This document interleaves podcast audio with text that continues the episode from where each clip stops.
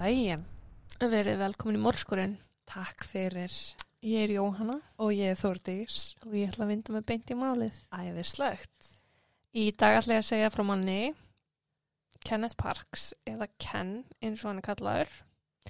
Ég er sko með arfa slakar upplýsingar um mannin. Það sem ég veit er að hann er frá Kanada. Hann átti ekkert sérstaklega skemmtilega æsku. Bjómið móðu sinna og bræðurum. Pappans stakk af sem hafði djúbstæð áhrif á hann. Bara þessi höfnunar tilfinning. Já. Mamman skiptist svo aftur og Ken og stjúpapans átti aldrei í góðu sambandi, bara alls ekki. Ok. Hann hafði alist upp í Toronto fram að 15 ára aldri en þá ákvaðu mammans og stjúpi að þau vildi flytja annað og Ken var allt annað en sáttu við það. Svo það var tekin ákvörðunarna um að hann skildi frekar bara verða eftir í ömmusn og afa í Toronto. Ok.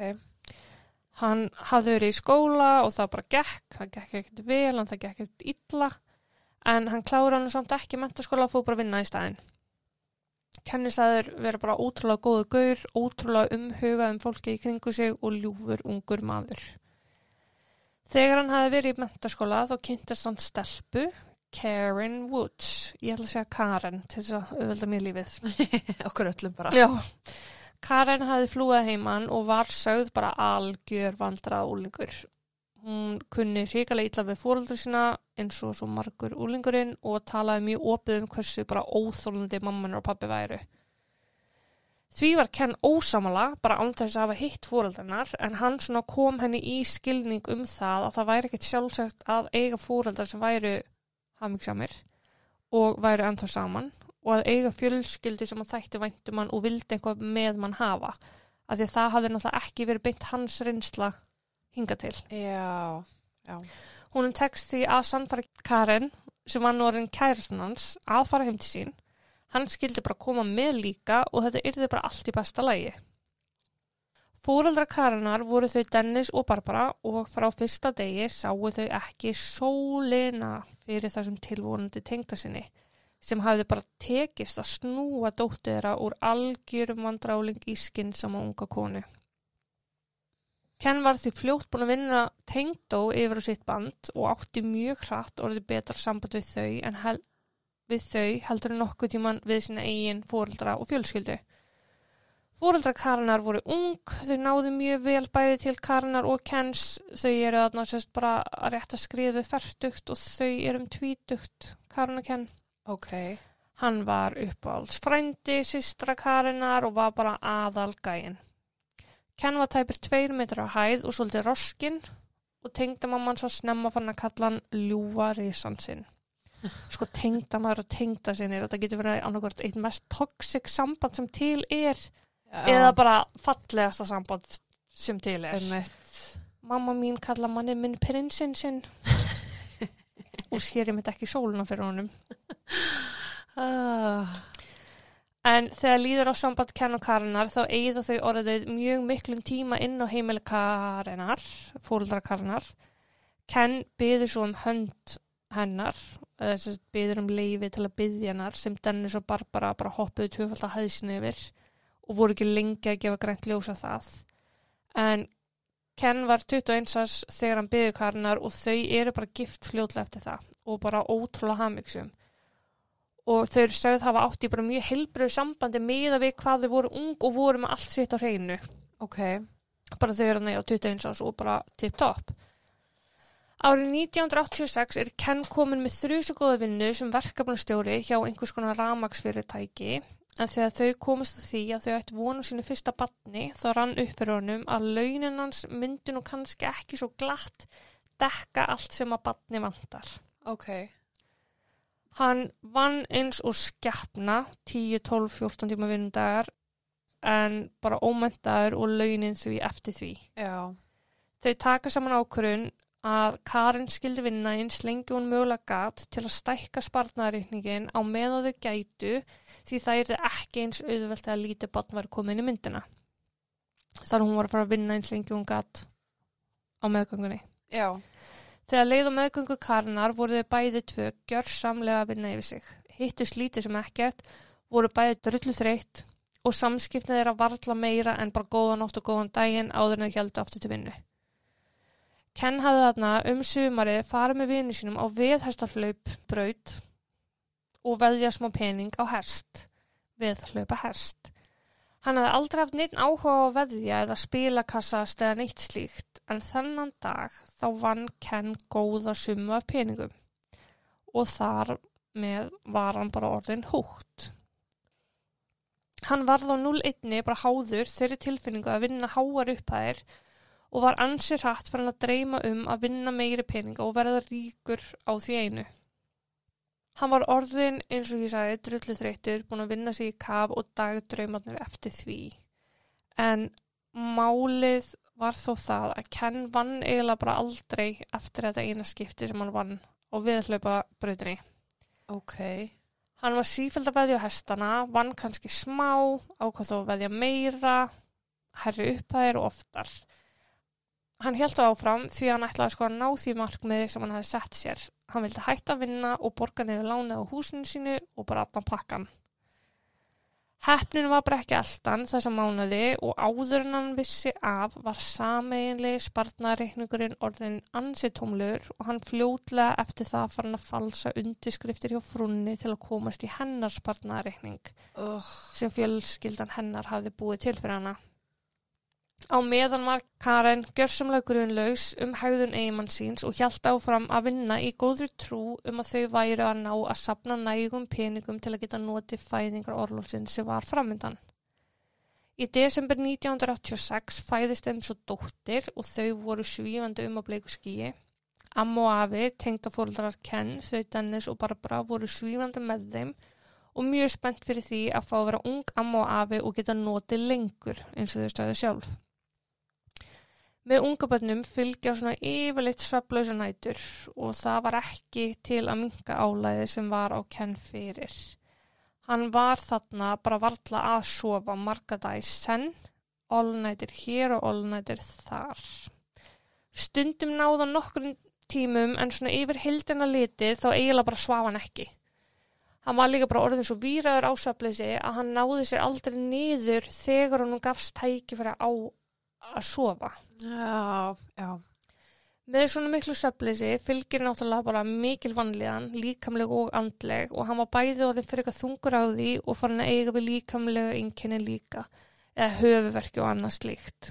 Það var bara svona slen og allt þess að vera slappur. Hann var með nagandi saminskupið ofan í það yfir spilafíkninni sem hann vissi mæta vel að væri vandamál en hann var bara svo ógeðslega ákveðin í því að ná þessu markmiði að vinna stóra, stóra, stóra pottin.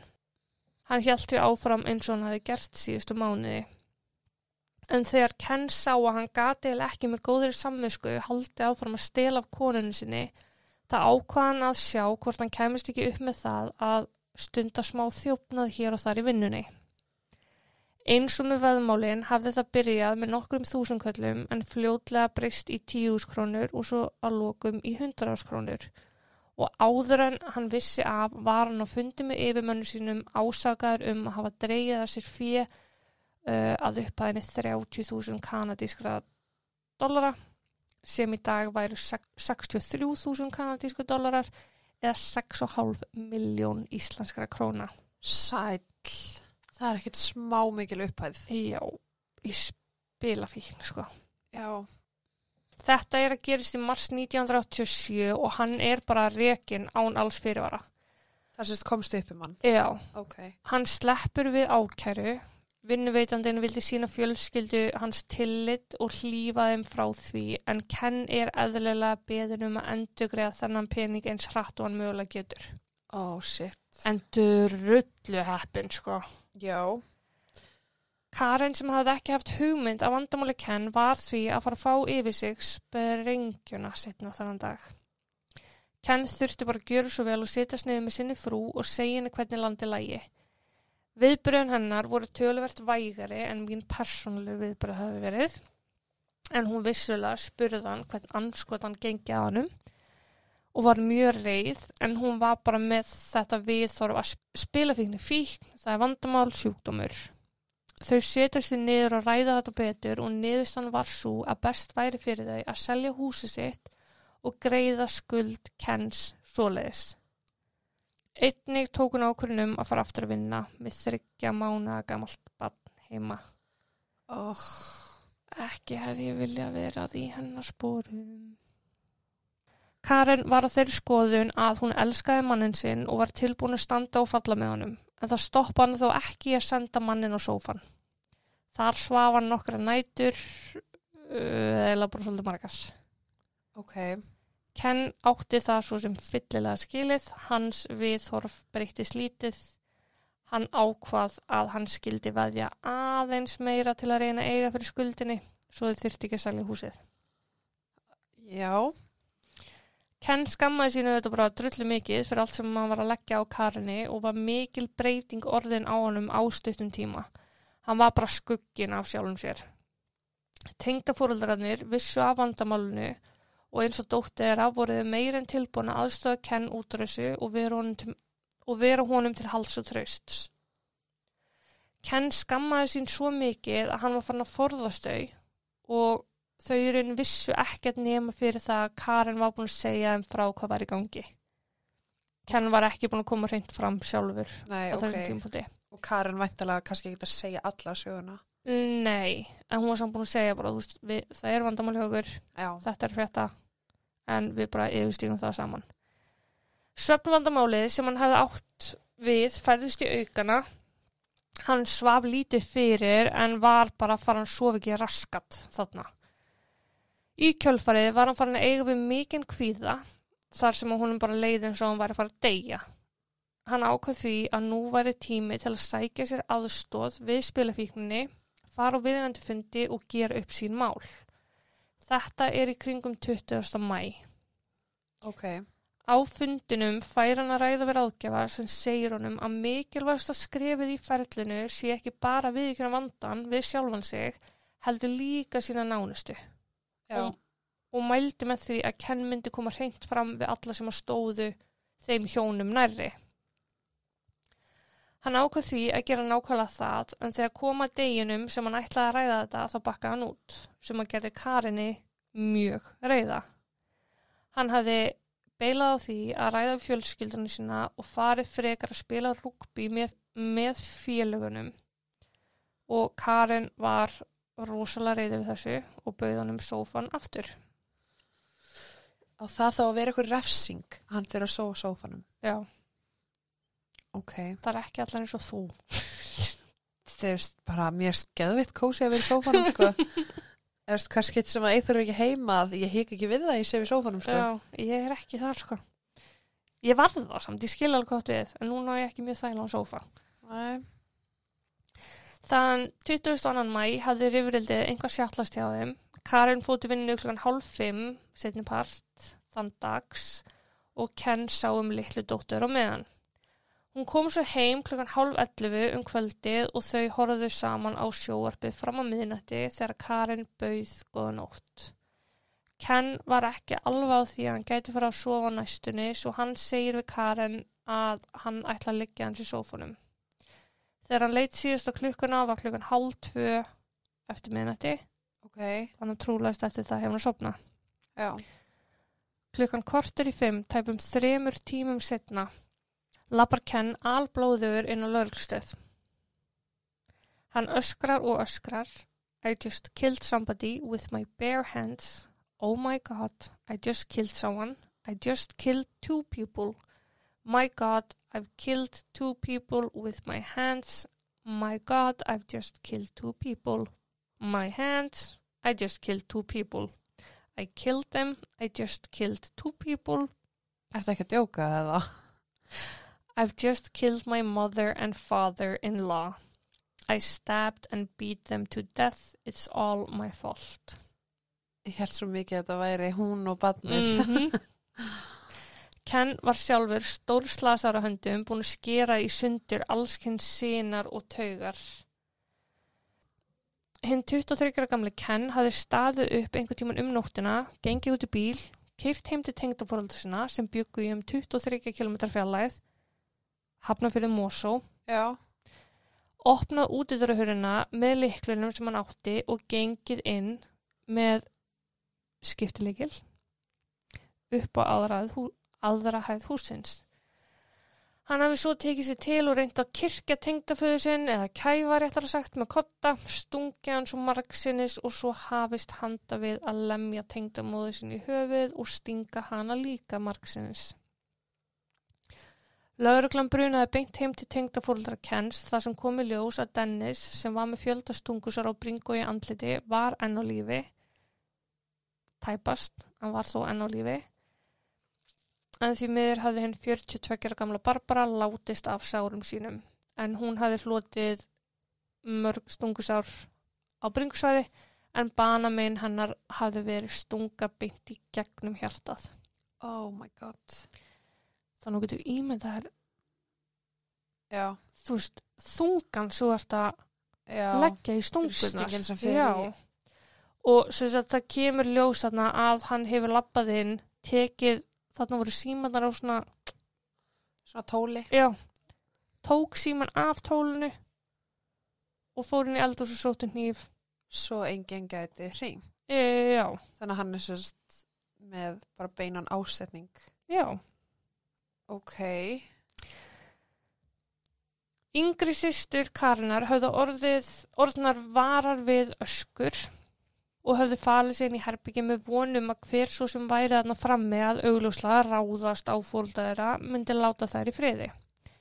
Þeim brá verulega þegar Ken var sá sem að gekk inn í herbyggi til þeirra, stóð yfir herbyggishurðinni í svo litla stund og starði á þær en gekk svo út aftur og lokaði eftir sér. Ken hafði muldrað eitthvað, bara eiginlega eins og ykkur stunur sem að koma upp úr hennum og þær hafði ekki skilið stakt orð. Þegar Ken kom á lauruglustöðuna hafði ekki gefist mikil tími til að ræða við hann eitt, innfaldlega vegna þess hversu slasar hann var sjálfur. Hendur hann bara rétt hengu saman á sögum stöðum. Já. Hún var því strax komið undir læknisendur þar sem hann var svæfður og gert var að sárum hans og reyndi að laga það sem hægt var að laga. Á meðan bankaði lauruglega upp á hjá Karinni sem kom til dyra haldandi á litli dóttu þeirra og henni tilkynnt að móðurinn að veri látin, fadur hennar stór slasaður og að maðurinn hennar lægjandi grunn. Oh. Eftir að Ken var laus á spítalunum þreymundum síðar var hann tekinn til yfirreyslu. Við yfirreyslu var hann Ken mjög samanlýsir en það versta var að hann bar fyrir sig minnisleysi. Eða já, minnisleysi. Hann bar fyrir sig að hann hafi í raun myrt tengdamóðu sinna og stórslasa tengdaföðu sinn í svefni.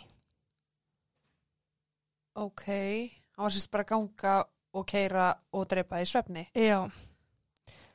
Hann sagði frá því að það síðasta sem hann myndi eftir var að hann var að horfa á Saturday Night Live því næst man hann eftir að við síða andlit tengdamóðu sinnar með skelvingarsvip. Hann hafi þá heyrt í systrum Karinar og hlupið um húsið öskrandi krakkar, krakkar, krakkar eða kids, kids, kids. Því næst man hann eftir að hafa verið sitjandi undir stýri, keirandi bíli sinn, alblóður og hníf í annara hendinni. Hann sagðist það verið svo ráðuviltur á þessum tímapunkti, sér í lægi að mun eftir öskrum í systurum Karinar og andliti tengdamóði sinnar að hann ákvað að keira beint á laurugstöð. Og það er eiginlega þar sem að hann vaknar, segir hann. Ok. Ken var vitið sinni fjær við yfirheysluna líka, gjössalega miður sín að hafa verið valdur að dauða Barburu og stórslasa Dennis, trúði bara ekki að hann hafi raunverulega gert neitt slíkt. Hann gæti ekki sagt til um hvernig hann uh, hafði yfirgefið heimil sitt, hann gæti ekki sagt til um hvaða leiðan kyrði til tengdafóröldisina, hann gæti bókstala ekki greint frá neinu þetta kvöld. Hann bara rankaði við sér á lauruglustöðinni. Já, en myndi svona brota brot uh, Ok. af nóttinni. Hún var útlita lögfræðing sem að var bara, ég taldi mig hafa heyrt allar afsaganirnar en þetta er nýtt, þú veist, að bera fyrir sig að hann hafi verið svoandi. Já. En eftir að hafa setist niður með Ken og rætt við hann þá sáu hún að hann var trúlegast að segja satt. Hann gati ekki sagt henni frá henni. Þú veist að því það lögfræðingur sest niður með þess að ég vil segja henni hvernig allt var Já. en þú ætlar ekki að gera það, skilur Já. en að því hann var nú þegar að játa að hafa gert verka, verknæðin að þá var engin ástæði fyrir hann að sleppa því að segja lögfræðinginu hvernig allt hefði verið, Já. skiljum mig. Frásögn systra Karunar stutti líka sögu Kens. Þær höfðu nefnilega sagt að hljóðin sem hann var að gefa frá sér voru eins og hann væri bara steinsofandi. Bara svona svefnstunu hrótur einhverjar. Ok. Ken átti sögu um að hafa gengið í svefni. Mammans hafði eitt skipti rétt náð að grípa í raskadáðunum áður en hann let sér flakka út með glugga á sjöttuhæð. Þegar hann krakki. Sæll. Vinir hans höfðu leikið sér á því að plata hann til að gera allskens vittlusur þegar þeir gripa hann gangandi í söfni og kennir sagður hafa elda heilu máltíðnar og allt bara grjót sofandi. Og þeir uh, sérst gáfu sinn vitnisspurð fyrir þetta. Já, já, já, þú veist, það kom strax í ljós að hann átti við þetta vandamál að stríða bara frá mjög ungum aldri. Ok. Svo var bara fara, eða já, hann hafi hann elda máltíðir og svo hafa hann geta fara bara aftur upp í rúm, fara að sofa og ekki muna neitt daginn eftir. Ok, sko, það er eitt að fara að elda máltíð heima hjá þér, þar sem að þú ert með minnið, Mhm, en að keira mhm, og að rata, mhm. mér finnst það rosalega langsótt. Mm, Uh, já, já. En þá átt hann það til lengi vel að pissa undir. Fóreldra hans hafði alltaf átt mjög erfitt með vekjan og hann hafði bara mjög oft verið að gangi sefni.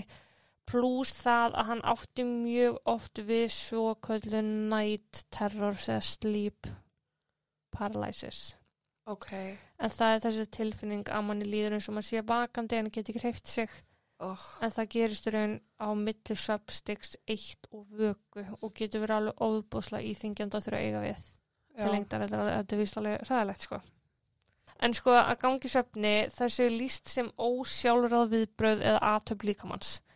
Þetta er bara eins og við öndum bara að því við öndum. Það er engin útskýring fyrir því af hverju öndum annan heila starf sem hann segir okkur að draga andan. Ok.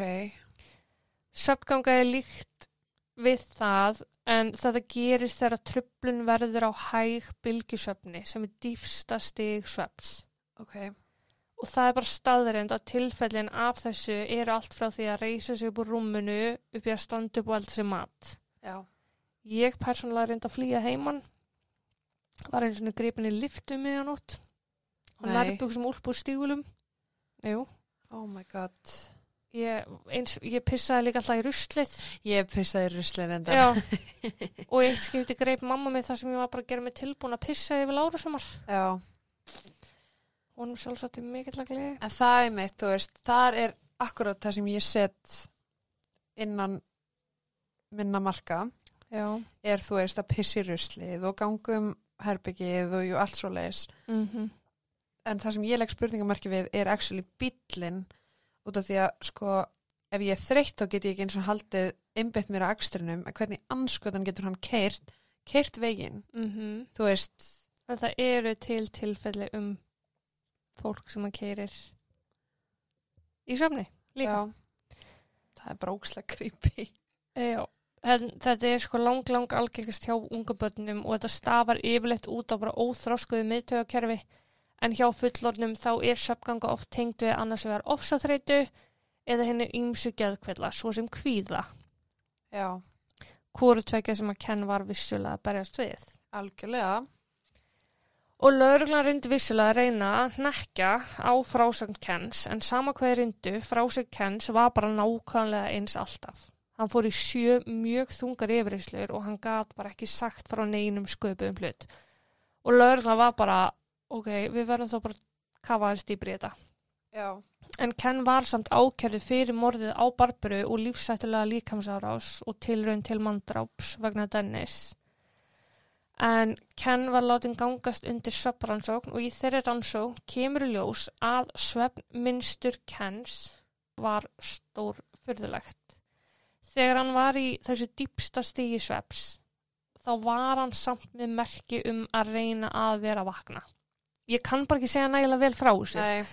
En svefnrannsóknin var fjarið því að vera eðlileg og stutti sögu Kens. ok. Hann gegst undir fjöldan allan á sálfræðumötum, matsmenn sögðu allir þetta sama. Svefganga væri mjög líkleg vegna þess að Ken væri ekki með henni að geðsjúkdóma.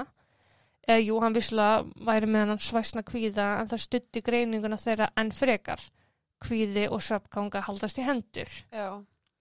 Hann var greindur með eitthvað sem heitir parasomnia sem er bara svefnröskun og veldi því að einstaklingur á eröft með að sofa, sopna og gengur í svefni. Ok. Fólkið í kringum Ken var svo steinhissa á þessu, sér í lagi Karen konans sem ákvað þó að styðja við sinn mann. Ok. Ken hafði aldrei nokkuð tíman verið ofbeldsfullur, hann drakk eiginlega ekki áfengi.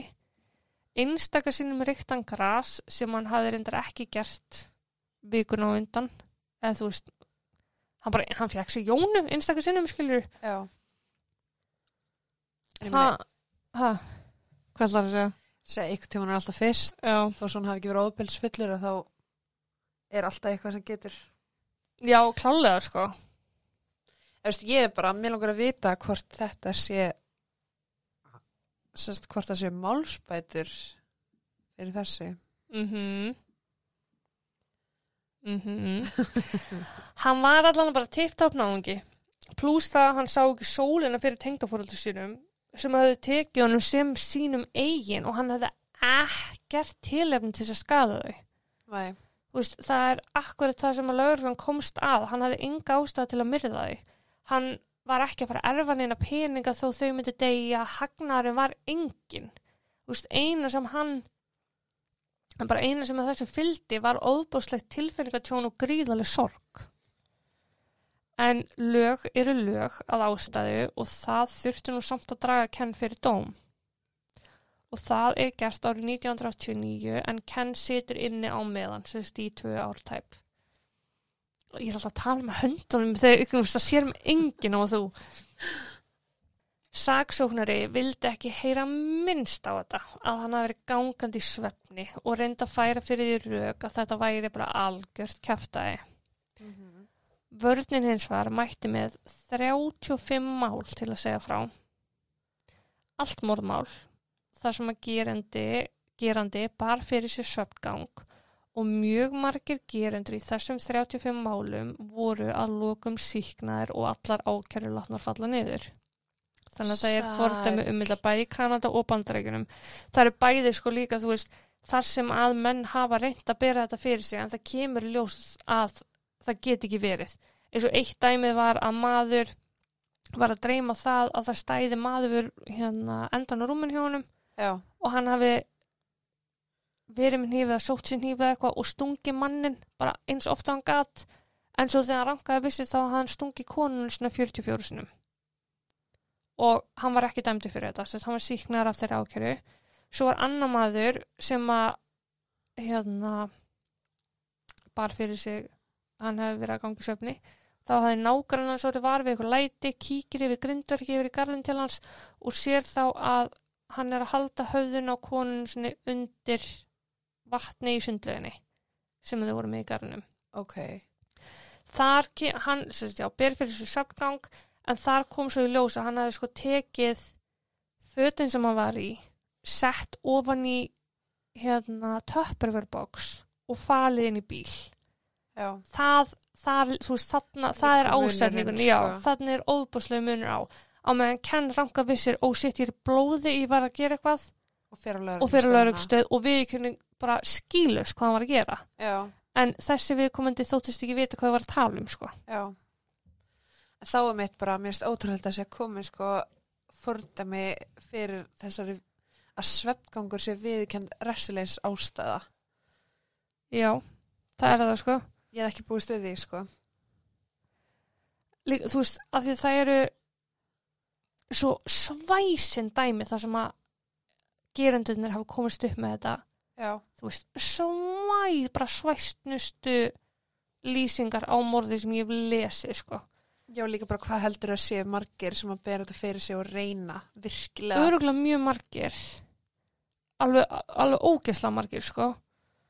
Um, en sem sagt, máli var það, þeir Saksóknir var með sömu ágjörð þú, hvernig gæti hann kyrt þessa 23 kilometra já, og ekki vita að hann væri að því.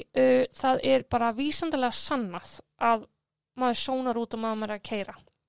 Þegar þú ert að keira heim úr vinnunni og heimtíðin, þú gætir keirt heim með hálfum huga. Þú veist, heilina er, er bara búin að, þú veist, hann veit leiðina. já, Það er talið vera það sem kom fyrir þarna. Hann, það komi ljós hvaða leið hann hefði keirt, þau komist að því vegna vegmyndavela. Það voru þrjú rauð ljós sem hann fer yfir og þetta er eiginlega bara í beinni leið. Okay. Ok. Auðveldasta leiðin til fóröldra hans. Það er, eru rauk geðalækna og sálfræðinga hafi gerst. ok, En Karen hafði á einhvern ótrúlegan máta tekist að fyrirgefa eiginmannin sínum fyrir að drepa móðu sína og stóð með sínum manni öll réttaröldin. Hún, hún bar vittni fyrir vörnina og sagðist frá því að Ken hafi alla tíð bæði átt í erfileikum með svefn og eins að hann ætti það til að ganga í svefni sérstaklega þegar hann hefði ekki sofið vel til lengri tíma og eins ef hann væri undir óeðlilega miklu álægi. ok, Ken hafði vissulega verið undir meira álægi en vanalega þessa daga á undan morðinu. Hann skuldaði pening, frúin var reyð út í hann, hann var með nagandi saminskupið, hann átti eftir að segja fjölskyldunni sinni frá spilafíkninni og bara eitt atriði af þessum lista væri tryggir þess þá heldur öll þessi atriði í gangi á sama tíma. já, Skilju hvað við? já, Tengdafæðar hann sagði líka að það væri ekki við hann að sakast, hann ætti sögu um að gera mjög svo fyrðulega hluti í söfni og að þetta væri bara grófara atvik. En vanlega, hann sem slifði að, já. Ok, Sistur Karinar voru líka sannfarður um að Ken hafi í raun verið gjörsamlega steinsofandi þegar hann reyðast á fóröldra þeirra.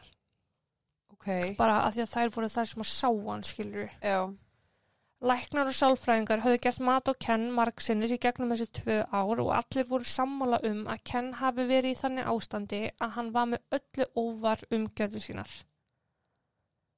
Hann geti því ekki tekið ábyrðaðum. Hann eigi ekki við neinn einustu geðran vandamál að stríða eða með öðrum orðum, alvarlega geðasjúkdóma, sem hefðu getað tryggjara svona gjörðir og hans eina vandamál var þessi svefnuröskun sem ég nefndi áðan. Þeir settu spurningamerki við hvort að sjóarrefnið sem Ken hafi sopnað út frá hafi haft áhrif en Ken hafði verið að horfa á Saturday Night Live og í þessum tiltegna þætti hafi verið mikið fjallað um ofbeldi. Bæði hafi leikari sagt frá því að hann hafi einu svona hlaupið út á götu öskrandi If you're gonna kill me, kill me like this, kill me like this, kill me naked. ok, Loka sína þáttarins hafi svo verið endursýning á atriði úr kvikmynd þar sem að maður með byssu skýtur í áttamanni á mótuhjóli. Hvort að þetta hafi haft áhrif á gjörði kenns þetta kvöld er ekkert að staðfesta en eins og málið er alltaf það er ekkert að útiloka heldur. nei, akkurat, En geðalagnum fannst þetta áhugaverð vingill. já, Saksóknur spurði þessa geðalagna hvort að Ken hafi mögulega geta ímyndað sér að myrða Barbara og Dennis í vöku og svo framkvæmda í svefni en læknunum fannst það alveg útlagað. Það væri allan engin tilfellu um slíkt og þetta helst ekki saman. Það sem þú hugsar, er ekki, þú ert ekki að fara að framkvæma það í svefni. nei, Þó þið dreymið það kannski, já, hefur ekki oft dreymt hluti svo skítrættum að gerist eða sem þú vilt að gerist, nákvæmlega. Saksóknari hafði ekkert í höndunum með ásetning að gera og þetta var svona þeirra lókaspil. Hvort hann hafi getað planað að myrða þau og framkvæmda í söfni. já, Þegar kom í ljós að svo væri alls ekki, þá voru hendur þeirra bara svolítið tómar og þeir höfðu engin, engin rauk fyrir ásetningi. Og hvað þarftu til þess að dæma gerenda fyrir morð? Yfirleitt þarftu að hafa ásetning til staðar. var eða gáleysi. Já, eða gáleysi. Þetta hefur svo sem alveg flokkast undir gáleysi, sko. Ég var að býja eftir, er þetta ekki gáleysi? Nei. Vegna þess að þú keiri fullur og á manneski hún deyr og þá er þetta gáleysi. Já. Nei. Þegar saksóknar og vörn höfðu talað sínu máli var það í höndum kviðdóms að ákvarða hvort að kenn var sigur eða ekki. Eftir nýju tíma spjalli og rappi komið þeir tilbaka með þá yfirlýsingu að þeim þætti yfir allan vafa hafið að Ken hafi ekki myrt Barbaru eða skada Dennis viljandi og hann hafi eins og hann segir sjálfur ekki verið í standi til að taka ábyrð á gerðum sínum og því var hann síknaður. What? Allar kærur látnar falla niður og Ken orðin frjáls maður. Ken ákvaði sama dag að játa sér segan um fjársvik vegna allar peningana sem hann hafði stólið í fyrirtækinu Já, og hann bara gaf sjálfa sig fram. ok. Þó fyrirtæki hafi alltaf sleppað í að kæra hann, þá er þetta bara eitthvað sem hann kaus að bera ekki á samvinskunni eins þungt og það hafði gert. Akkurat. En í Kanada er það þannig að saksóknari getur áfriðað dóm ef hann er ósáttur. Já. sem mér finnst mjög skrítið. Ég sé fyrir mig að það sé bara búið upp á við sem þannig, bara ég áfriðað, svo getur þú áfriðað og þá get ég áfriðað og þá getur þú áfriðað. Nei, vegna þess að ákæruvaldið getur auðvitað áfríað ef þeir eru ekki sátti með niðurstöðuna sem þeir voru sækst eftir. Já, Þannig að þeir ummitt, jú, ok. geta, geta áfríað, sko. Mér fannst að ég hef einhvern veginn sjaldan heyrt um það nema bara í einstaka málum. Já, það, þú veist, ef að nið, sko, oftast er niðurstaðan svo að þeir eru sáttir. Mm. Hann er sjálfgeft. Já, mjög sjálfgeft þegar það er algjör síknun að þá auðvitað Já, áfríða þeir til að reyna að fá, Til að fá lámastóm allana. já, af því að sama hver var aðdraðandinn að þessu þá er samt manneskja látin. Já, þeir eru náttúrulega ekki sátti með það að hann gangi laus. Og þeir kannski líka skilja ekkit þetta svepp dæmi. Ég skil það ekki sko, mér, mér veist, ég skil þetta er komið til málspóta Mm og að, að refsingin er þið kannski sérst, lækkuð. Já, en refsi leysis ástæða bara finnst mér ótrúlegt sko. Mhm. Það fannst saksóknari líka og þeim fannst verið, með, verið að mynda fordæmi fyrir því að aðrir morðingjar reyni á að nota sömu afsökunin að gæslapa. Akkurat. En sama niðurstað fegst í þessari áfriðun. Vísindin stóðu mig kenn, það var ekki ásetningur og fjölskyldan bókstala varðan og stóðu með honum. Mér finnst, já, það er einmitt líka ótrúlegt sko Já. að fá þann stuðning frá fjölskyldunni. Mm Ég veit ekki, Ég, Ég veit ekki hvort ég er gæti ekki svona- stuðning, Nei, sko. ég er ekki svona mikið manneska, sko. Það er Nei. bara ekki sjans. Ken fór svo bara á lifi kjölfarið og mér skilst að hann hafi bara ekki gengið í svefni síðan. ok, Hann á það víst til að setjast upp í svefni og sofa sitjandi en meira hefur það ekki verið. Hann og Karen voru saman í rúm fjögur ár eftir áfríunina uh, en svo sögðu þau sambandinu slút. Ken giftist síðan mér aftur og eignaðist fimm börn til viðbúta við dótturina sem hann átti með Karen. sæl. Mm Og hann reyndi árið 2006 að bjóða sér fram í skóla og fóreldrarnefnd grunnskóla batana sinna. Það lagðist ekkert sérstaklega vel í líðin. Nei, ekki runa það. Ekki af því að hann hafi verið ásakaður eða síknar Um morðið. um Er það ekki út morðið af hann rændi? út af, jú, Já. af því hann stál 6,5 miljón. Auðvitað náttúrulega er hann síknaður hinu, skilur hann náttúrulega rétt á lifu svo allir aðrir. Já. Það er það sem að stjórnarskráin segir. Mm En þetta með fjársvikið, maður er kannski ekki tilbúin til að gleyma og treysta Nei, fljótt. ekki þú ert að byggja um að komast í svona skólanemnd og fóreldranemnd en hann náttúrulega, þú veist já. Ég er svo sem ekkert mikið að segja þetta viðbútar, málið er búið sko. Þetta er ógeðslega steikt. Ég, mér fannst þetta já, brjálaðslega áhugavert sko. Ég hef bara ekki, já, enn og aftur, ég, veist, ég hef bara ekki heyrt um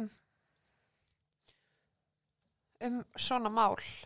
nei, og, Og- ég, Ég bjóst aldrei við því að hann myndi, ég bjóst kannski við því að hann myndi fá vægri refsingu.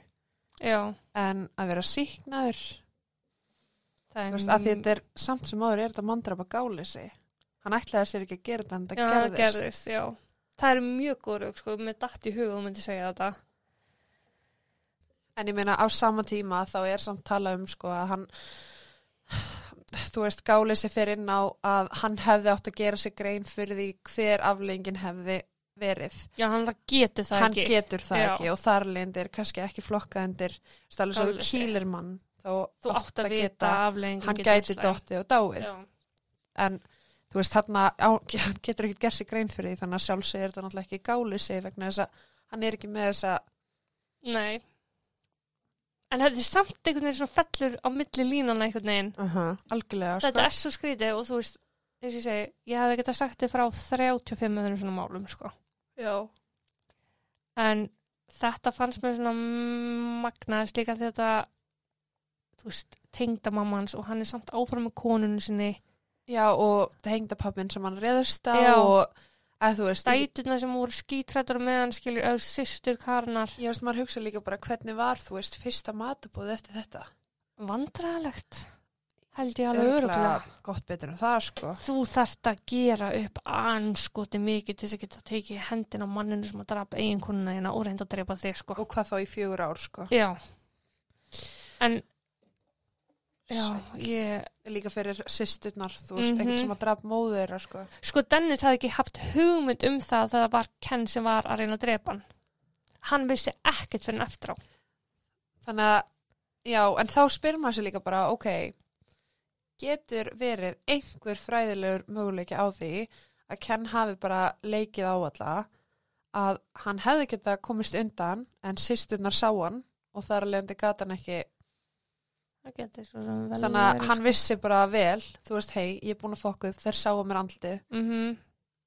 ef hann hefði, Ég verð ef hann að hefði leika. ekki séð hann hefði hann kannski farið heim og Það er með líka að tala um sko sterkast sönnugagni sem stendur með honum er það að stelpunar segja að hann hafi verið að gefa frá sér þessu óhljóð.